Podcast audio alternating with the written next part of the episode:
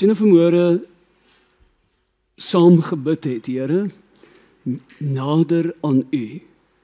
Meer van U. Om bewus te wees U is hier in die teenwoordigheid.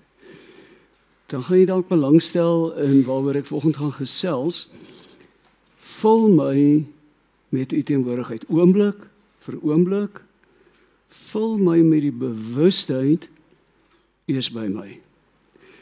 En ek gaan dit nou doen aan die hand van nie die Bybel nie. Ek moet nou maar eerlik wees. Alhoewel ek telke male na die Bybel gaan verwys, maar met die hand van 'n ou klein dun werkie. Die werk van 'n totaal onbekende ongeletterde man wat iewers in die 17de eeu 167 169 niemand weet nie hy weet self nie gebore is en hy weet ook nie wat van sy ouers geword het nie. Hy het nou maar so te eerstes in die weeskinders by die kerk aangehou het gebly en later op straat en en toe was hy gelukkig genoeg geen geletterdheid nie kon nooit in sy lewe lees nie. Gelukkig genoeg om 'n 'n werkie in die plaaslike klooster se kombuis te kry maar nie as 'n kok nie. Hy het nou maar goed rondgedra en skoon gemaak en vir 'n klompie jare dit gedoen en en toe sy dood en ons weet nie eers wat sy van is nie ons weet sy naam was waarskynlik Lawrence. Maar wat anders aan hom was. 'n Priester wat ook in die plaaslike gemeente was, het vriende begin maak toe hy so in sy 30er jare kom toe die, die spesifieke kombuiswerker en vir hom gevra wat is anders aan jou genadiglik het daai priester dit wat die mannetjie vir hom vertel het neergeskryf. Sulke kort stukkies wat insigte wat hy met die jare met sy pad met die Here geleer het. Want sien, hy het nie 'n pa of 'n ma gehad of geken nie. En toe het hy maar die Here sy pa en sy ma gemaak. Hierdie klein boekie is is ook in Engels vertaal Practicing the Presence of God.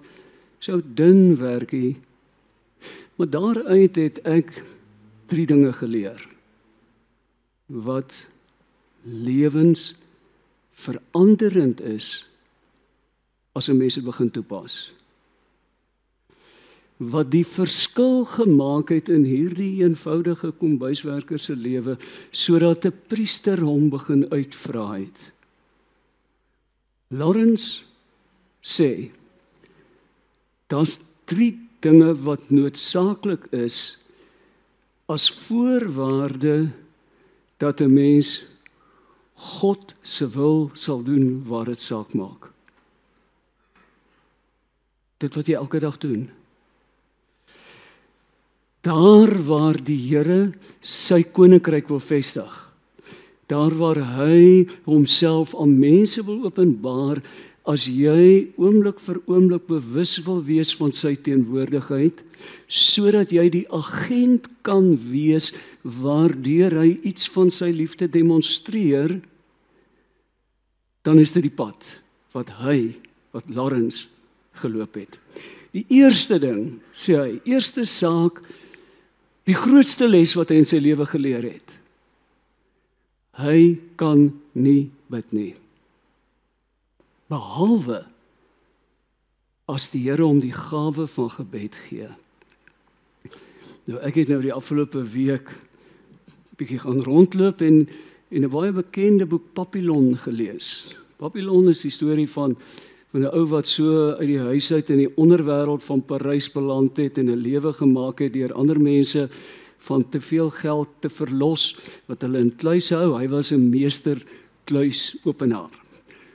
En hy het ryk geword en, en op 24 jarige ouderdom met die polisie wat agter hom was, maar hom net nie kon vastrek nie.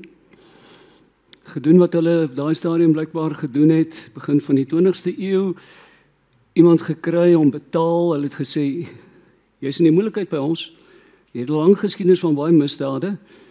Maar ons sal jou vrymaak as jy ons sal selfs 'n bietjie geldjie ook gee. As jy vir ons doen wat ons wil hê jy moet hierdie ou moet doen met Papillon moet doen. En so uit in die hof gekom. Staatsgetuie het gesê die man het 'n moord gepleeg. Hy het 'n polisieman doodgemaak en hy's gestuur na een van die strafkolonies wat op 'n Franse eiland naby Suid-Amerika was waar hy 9 keer in 10 jaar ontsnap het en die 9de keer was hy was dit suksesvol. En uiteindelik 'n goeie lewe gemaak, maar hy's 'n totale ateës. Niks van God in sy huis nie. Hy leef as 'n ateës.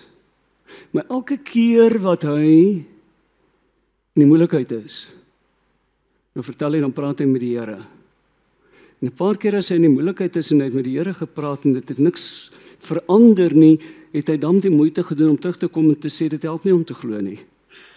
Tot aan die einde van sy lewe wat waarvan hy nou vertel toe uiteindelik hoor jy's 'n vryman, jy kan in hierdie staat bly um, en jy kan jou lewe nou op jou eie gaan gebruik. Toe bid hy en hy sê Here, dankie vir wat U vir my tog gedoen het. Ek is so dankbaar vir my vryheid. Sê vir my wat ek kan doen en die Here sê vir hom vergeet van jou wraak. Hy sê dit sal ek nooit doen nie.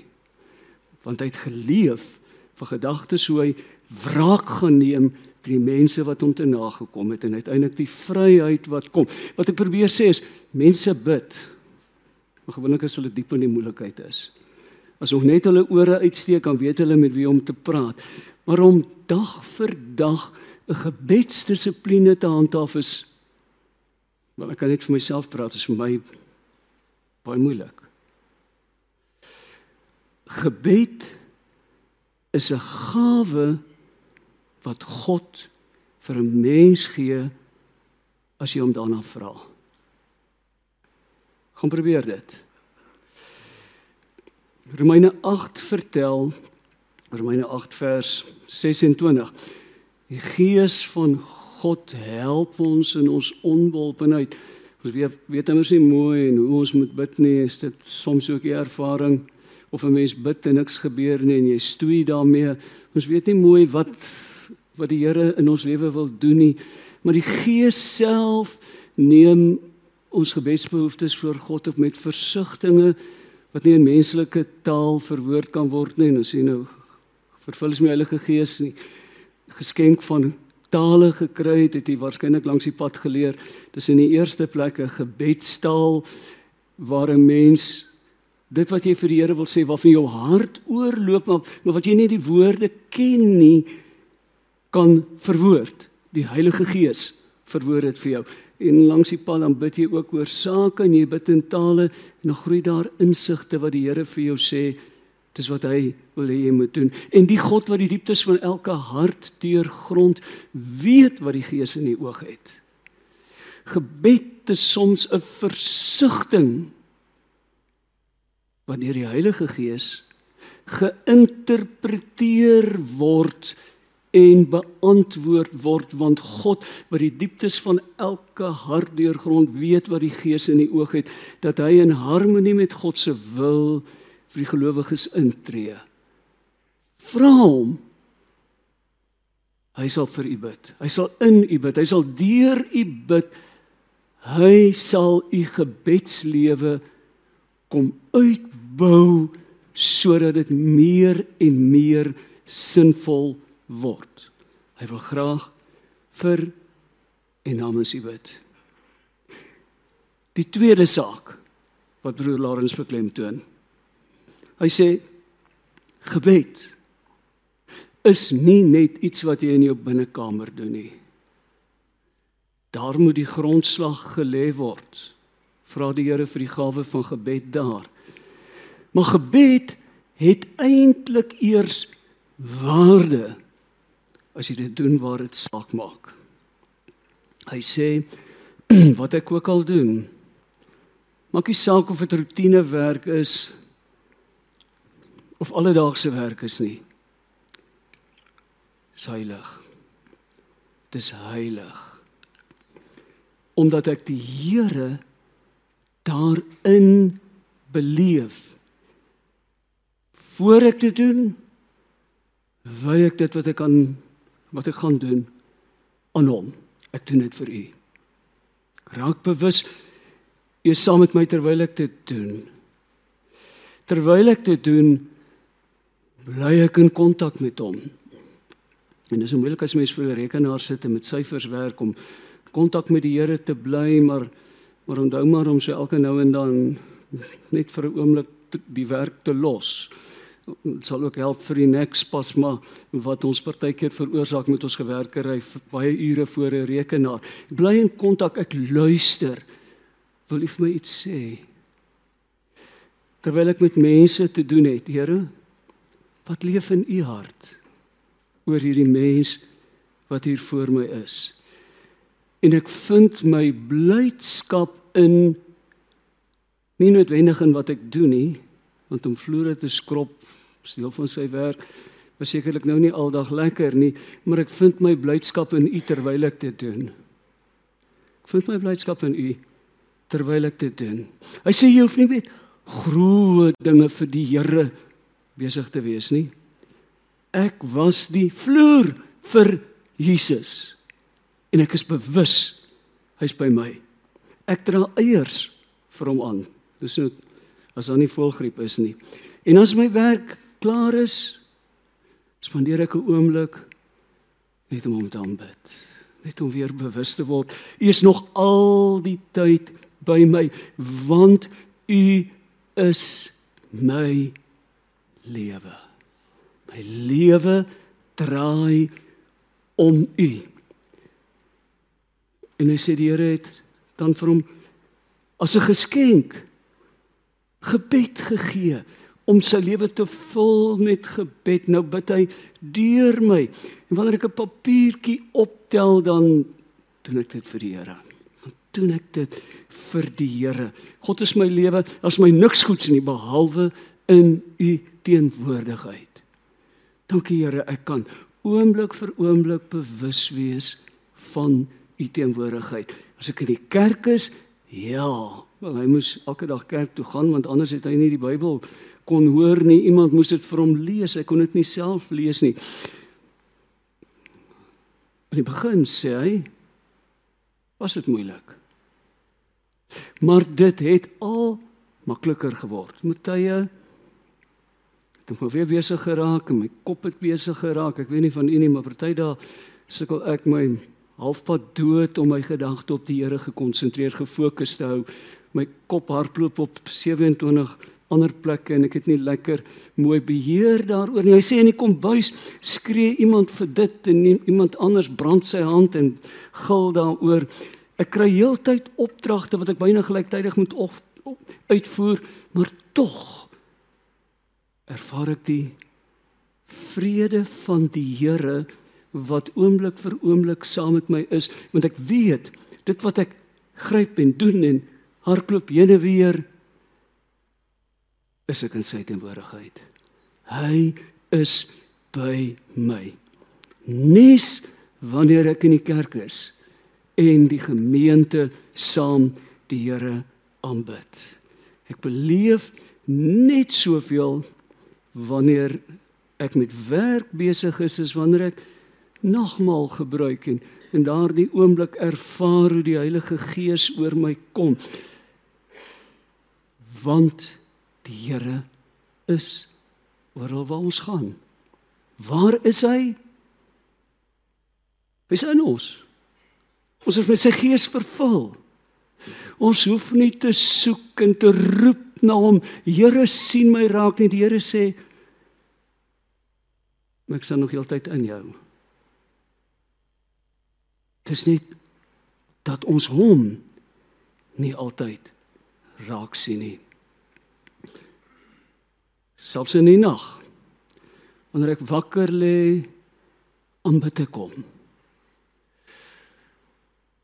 ek leer vir myself tekste aan en ek herhaal daardie tekste en ek luister na wat die gees van die Here vir my sê.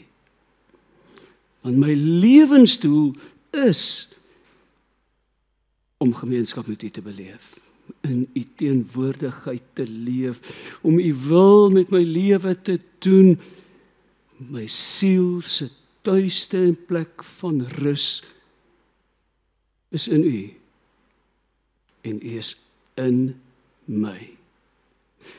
En sê hy wanneer ek dit beleef dan dit 'n invloed op die kwaliteit van werk wat ek doen. Dink so 'n bietjie daaroor. Want ek doen dit nie vir mense nie. Ek doen dit vir die Here.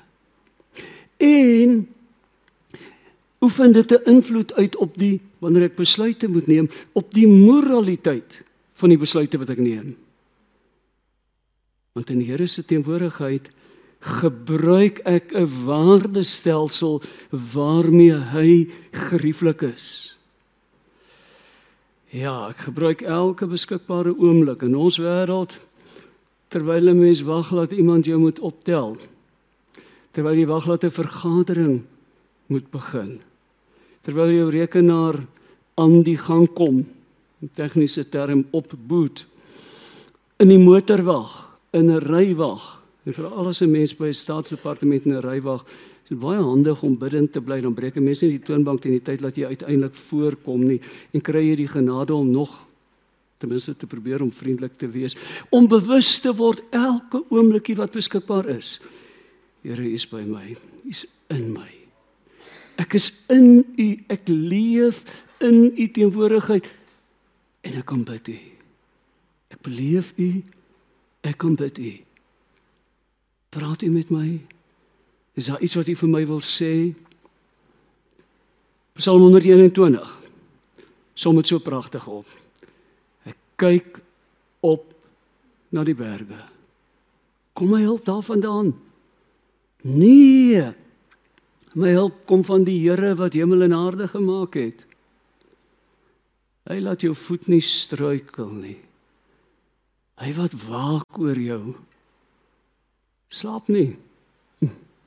Hy het nie 8 ure se goeie nagrus nodig om 'n dag se werk gedoen te kry nie. Hy wat oor Israel waak, sal nooit sluimer of slaap nie. Die Here waak self oor jou. Here is jou beskermer aan jou regterhand. Son sal jou bedags nie aantas nie. Nog minder die maan in die nag. Die Here bewaar jou van alle kwaad en hy beskerm jou lewe. Die Here hou wag oor jy of oor jou of jy kom of gaan nou en vir altyd. Terwyl mens wag om teater toe te gaan. Of wag vir die verlossing wat 'n tandarts vir jou bring deur jou eers bitter seer te maak. Goeie tyd om by die Here uit te kom en bewus te wees van sy teenwoordigheid. Neem hom saam in die teater in.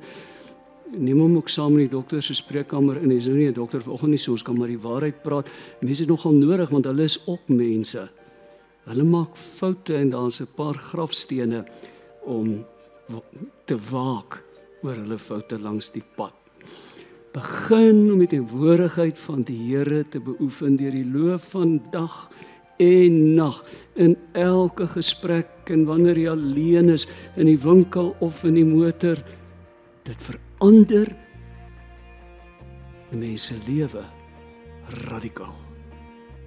Dit verander nie net die manier hoe jy leef nie maar hoe jy in jouself glo. Want dit verander hoe jy jouself beleef. Dan 'n derde saak en daarmee gaan ek afsluit. Hy sê en dan as die dag verby is vanaand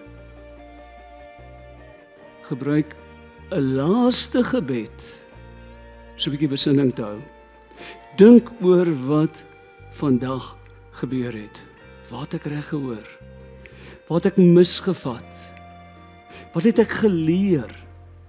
Wat kon ek anders gedoen het?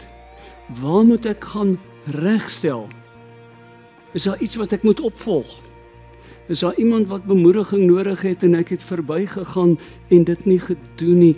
Leer uit die dag. En as 'n mens dan die wonderlike gawe het om te kan lees en skryf, teken aan. Dit werk mos so. Ek skryf nie in die dagboek wat ek moet doen sodat ek dit kan raadpleeg nie, maar omdat ek dan beter onthou dat ek dit moet doen. Skryf neer. En dit gaan 'n versoeking word om elke keer terug te lees, om die pad te sien wat die Here met ons geloop het en die insigte wat ons langs daardie pad geleer het. 'n Lewe waaroor nie gereflekteer word nie, is 'n lewe sonder sin, doel en rigting. 'n Lewe waaruit 'n mens nie uit jou foute leer nie, is 'n fout. Want dis een fout wat op die ander gemaak word. Gaan dink so 'n bietjie daaroor. En as jy mense doen, dan word die mense aandgebed. Iets baie sinvols. En iets wat bydra om mense lewe te verander omdat ook dit gevul is met die teenwoordigheid van die Here. Amen. Sal ons vir die Here dankie sê vir sy woord. Hemelse Vader, ongeletterde jong man. Die mense het gedink hy's stadig. Hy het min verstand. Niemand het hom geluister nie. Hy sou maar net in die vergetelheid soos miljoene ander mense verdwyn het. As dit nie was dat iemand slim genoeg was om om insigte op te skryf van die pad wat hy in sy een fout met u gestap het. Dankie dat ons vermoere by broer Lawrence uit die 17de eeu kon leer. Maak dit u woord.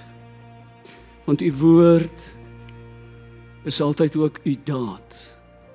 Wat u sê gebeur, Here, spreek in ons lewe sodat ons gebedslewe verryk word met die belewenis van u teenwoordigheid en ons lewe gevul word met gebed. In Jesus se naam